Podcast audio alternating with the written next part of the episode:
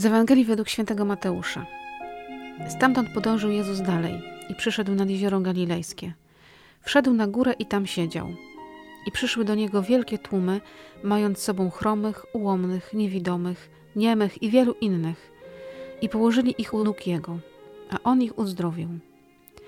Tłumy zdumiewały się, widząc, że niemi mówią, ułomni są zdrowi, chromi chodzą, niewidomi widzą i wielbiły Boga Izraela. Lecz Jezus przywołał swoich uczniów i rzekł: Żal mi tego tłumu. Już trzy dni trwają przy mnie, a nie mają co jeść. Nie chcę ich puścić zgłodniałych, żeby kto nie zasłabł w drodze. Na to rzekli mu uczniowie: Skąd tu na pustkowiu weźmiemy tyle chleba, żeby nakarmić takie mnóstwo? Jezus zapytał ich: Ile macie chlebów? Odpowiedzieli: Siedem i parę rybek. Polecił ludowi usiąść na ziemi.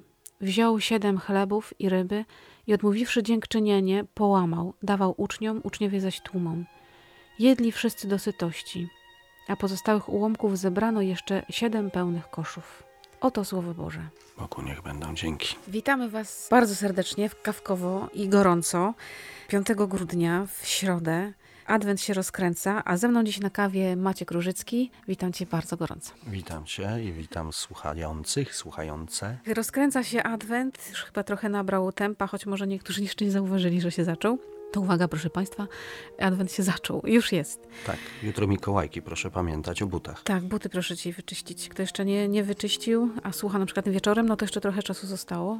Bo to, to jest ważne, to jest ważne. Dzisiejsza Ewangelia o jedzeniu, o czymś nam bardzo bliskim, ale chyba jeszcze bardziej o tym, że jesteśmy ciągle głodni, ale nie tak fizycznie, ale chyba tak w sercu. Co tobie właśnie? Wiesz co, jak czytałem ten fragment, od razu mi stanęło takie porównanie, jak to do Mojżesza przeszli przodkowie tych samych osób, które tam widząc, co się dzieje, wielbili Boga ci przyszli, że chcą zmiany menu. I tak sobie pomyślałem, że to jest ten proces wychowawczy. Pan Bóg potrzebował kilkuset lat, kilkunastu, dziesięciu pokoleń, Pokoleń, tak. żeby wyrobić e, z niewolników ludzi, którzy będąc pod okupacją, pragną bardziej Boga niż chleba. Oni nie przyszli do Jezusa po chleb, tylko przyszli po słowo, po uzdrowienia. Podejrzewam, że tam nie tylko były uzdrowienia fizyczne, ale przede wszystkim duchowe, bo odchodząc wielbili Boga, a za chwilę te cuda tak naprawdę, to rozmnożenie chleba, to jest tak jakby coś dodatkowego. Tu Pan Bóg dodaje w tym momencie coś takie gratis. Tak, tak, jakby tu powiedzieć, idziemy do poza zakupem, kupujemy meritum, a tutaj jeszcze proszę przy kupon, kasie? tak, przy kasie kupon rabatowy na coś tam. I tak samo tutaj Pan Bóg daje w gratisie dla tych, którzy wierzą. O dziwo... No to jest w ogóle takie niesamowite, że właśnie oni nie przyszli prosić o chleb, mieli inny głód. Mieli swoich chorych, mieli swoich niewidomych, niemych, wszystkich tych pokaleczonych ludzi, pewnie i na ciele, i na duszy, tak jak mówisz. I dostali coś jeszcze, bo Jezus popatrzył na nich i powiedział, żal mi ich, są głodni. Zobaczył też taką naszą zwykłą ludzką potrzebę tego, że jesteśmy kawał drogi od domu i po prostu trzeba nas nakarmić. Kiedyś taki znajomy ksiądz powiedział taką rzecz, którą, która mi utkwiła głęboko. Niewielkość prośby jest ważna, ale żarliwość tej modlitwy. Dlatego w Ojcze Nasz mamy obok siebie chleb i niebo. I żeby się Królestwo Boże, żeby się wola Boża spełniała. Tak, bo my się zachwycamy tą, dla ilu osób tam rozmnożenie tego chleba i tak dalej, ale jak mało skuteczne względem wiary to było, to pokazuje za chwilę fragment, w którym to dwunastu apostołów martwi się o to, skąd oni wezmą chleba. Tak. a Jezus mówi, że to nie jest ważne w ogóle. I oni cały czas gadają o tym, a Jezus w końcu nie wytrzymuje i mówi, przecież dla czterech tysięcy załatwiłem chleba, to co dla was nie załatwię? Tak, właśnie, że my trochę Pana Boga mierzymy naszą miarą i to, co też tutaj jest. Ile macie chlebów? No siedem i dwie rybki. No myślę, że jak stanęli przed, no to po ludzku, myślę, że ja też bym miała taki kłopot. No jak ich nakarmić? Ja jak ich nakarmić? miałbym taki problem. No jak to zrobić? A Panu Bogu wystarczyła ta gotowość. Macie tylko siedem? Okej. Okay. Tylko albo aż, bo jesteście gotowi to dać.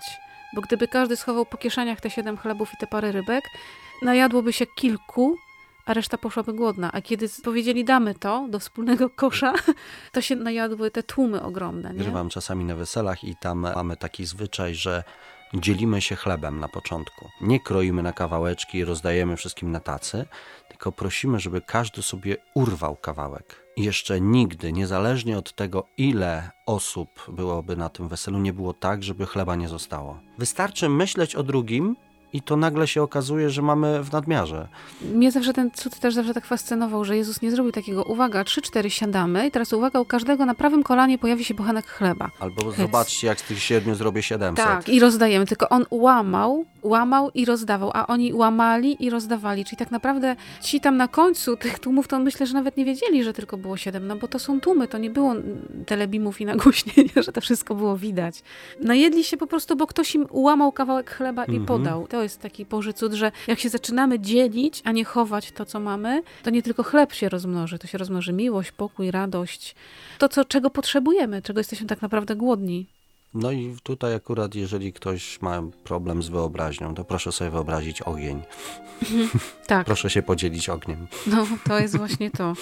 To chyba pierwszy raz na to zwróciłam uwagę, jak czytałam Ewangelię, że Jezus sobie wszedł na górę i siedział. Pamiętaj o tym, co go przed chwilą spotkało. Dotarła do niego wiadomość o Janie Chrzcicielu. On tak naprawdę zrobił dwa cudy rozmnożenia chleba, bo mu wszyscy przeszkadzali w tym, żeby przeżyć wewnętrznie mm -hmm. ten dramat no, straty kuzyna, który zginął mm -hmm. za mówienie prawdy. W tym momencie tak naprawdę dramat indywidualny został przysłonięty potrzebą działania społecznego. Bo, bo dużo jest fragmentów w Piśmie Świętym, gdzie mowa jest o tym, że Jezus wszedł na górę, żeby się modlić, odszedł na górę, żeby, żeby głosić, a tutaj po prostu sobie usiadł i może faktycznie to był taki moment, w którym chciał być chwilę sam, a ludzie zaczęli mu przynosić całe mnóstwo chorych i on po prostu ich uzdrawiał. Do uzdrowienia potrzebna też jest wiara. Pamiętajmy, przyszli do niego faryzeusze i mówi, pokaż nam jakiś znak. Ci ludzie uwierzyli, że wystarczy, że on jest. I tak też ja sobie myślałam, czy mi to wystarcza? Czy ja oczekuję od Jezusa jakichś fajerwerków, czegoś specjalnego? Czy mi wystarczy to, że on po prostu siedzi sobie w moim sercu i jest? I on zobaczy coś chorego, to go po prostu uzdrowi. Jak zobaczy mój głód, to po prostu da mi to, czego mi trzeba. Chleba. Ja mam problem, żeby poprosić, że nie jestem godny. Pan Bóg ma ważniejsze sprawy ode mnie, a ja już tutaj sobie spróbuję coś tam jakoś poradzić, przestaję sobie radzić, porozwala mi się wszystko. I wtedy mi się przypomina ta kananejska kobieta, której Jezus mówi otwarcie. Mówi, ja do ciebie nie przyszedłem. Ktoś, tak, kimś, jesteś... kto jest niewierzący w Boga, kto nie przeszedł tego procesu od Mojżesza do, do, dziś. E, do dziś i przyszłaś coś tutaj wyłudzać. Ona nie, twardo mówi, że szczeniaki okruchy ze stołu tak. dostają. Ja sobie właśnie wtedy myślę, że może chociaż po taki okruszek przejść. Bóg lubi nas konkretnych, bo On jest konkretny. Potrzebujesz czegoś, to mów. I to jest ten klucz, bo mi jest źle, ja nie wiem tak naprawdę, dlaczego jest mi źle. Rozsiewam tą, tą swoją niedogodność życiową na innych, innym też przez to jest źle, bo mówią, że ja jestem zły, a ja tak naprawdę jeszcze nie zdefiniowałem tego, dlaczego jest mi źle. I po to jest właśnie ta modlitwa potrzebna. My na co dzień potrzebujemy takiego uzdrowienia w środku, żeby właśnie nam było dobrze, żebyśmy nie rozsiewali tego, co jest chore, żebyśmy nie zarażali tą wewnętrzną chorobą, tylko byli zdrowi. Tak naprawdę, jak masz w sercu Boga, to w tym momencie Pan Bóg po prostu otwiera przed Tobą wszystko, co potrzebujesz. Zupełnie nowe drogi. Niezależnie od tego, czego pragniesz, mhm. tylko to, co potrzebujesz, dostajesz. I dopiero z perspektywy, opowiadając o tym, co się działo tak naprawdę, ludzie mówią: Wow, jakiego miałeś fuksa, jaki byłeś szczęściarzem. Nie, po prostu Pan Bóg jest po mojej stronie. Luz. Nie mów Panu Bogu, jakie masz wielkie problemy, tylko powiedz problemom, jakiego masz wielkiego szefa. Czasem prozaiczny chleb, czasem uzdrowienie pełne naszego serca. Kwestia zaufania. Ja ufam Tobie, to nie są puste słowa. Choć no więc... często je mówimy, Jezu, ufam Tobie, Jezu, ufam Tobie, ale tak naprawdę czy za tym idzie cała głębia, że faktycznie ja Mu ufam, że On wie, On wie, nie, że się domyśla.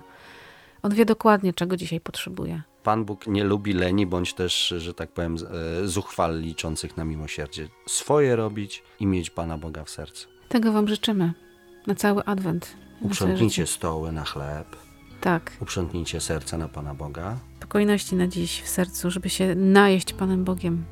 Tak, dosyta, żeby jeszcze zostało tego Pana Boga dla innych. Właśnie, pamiętajcie o innych. Z Bogiem.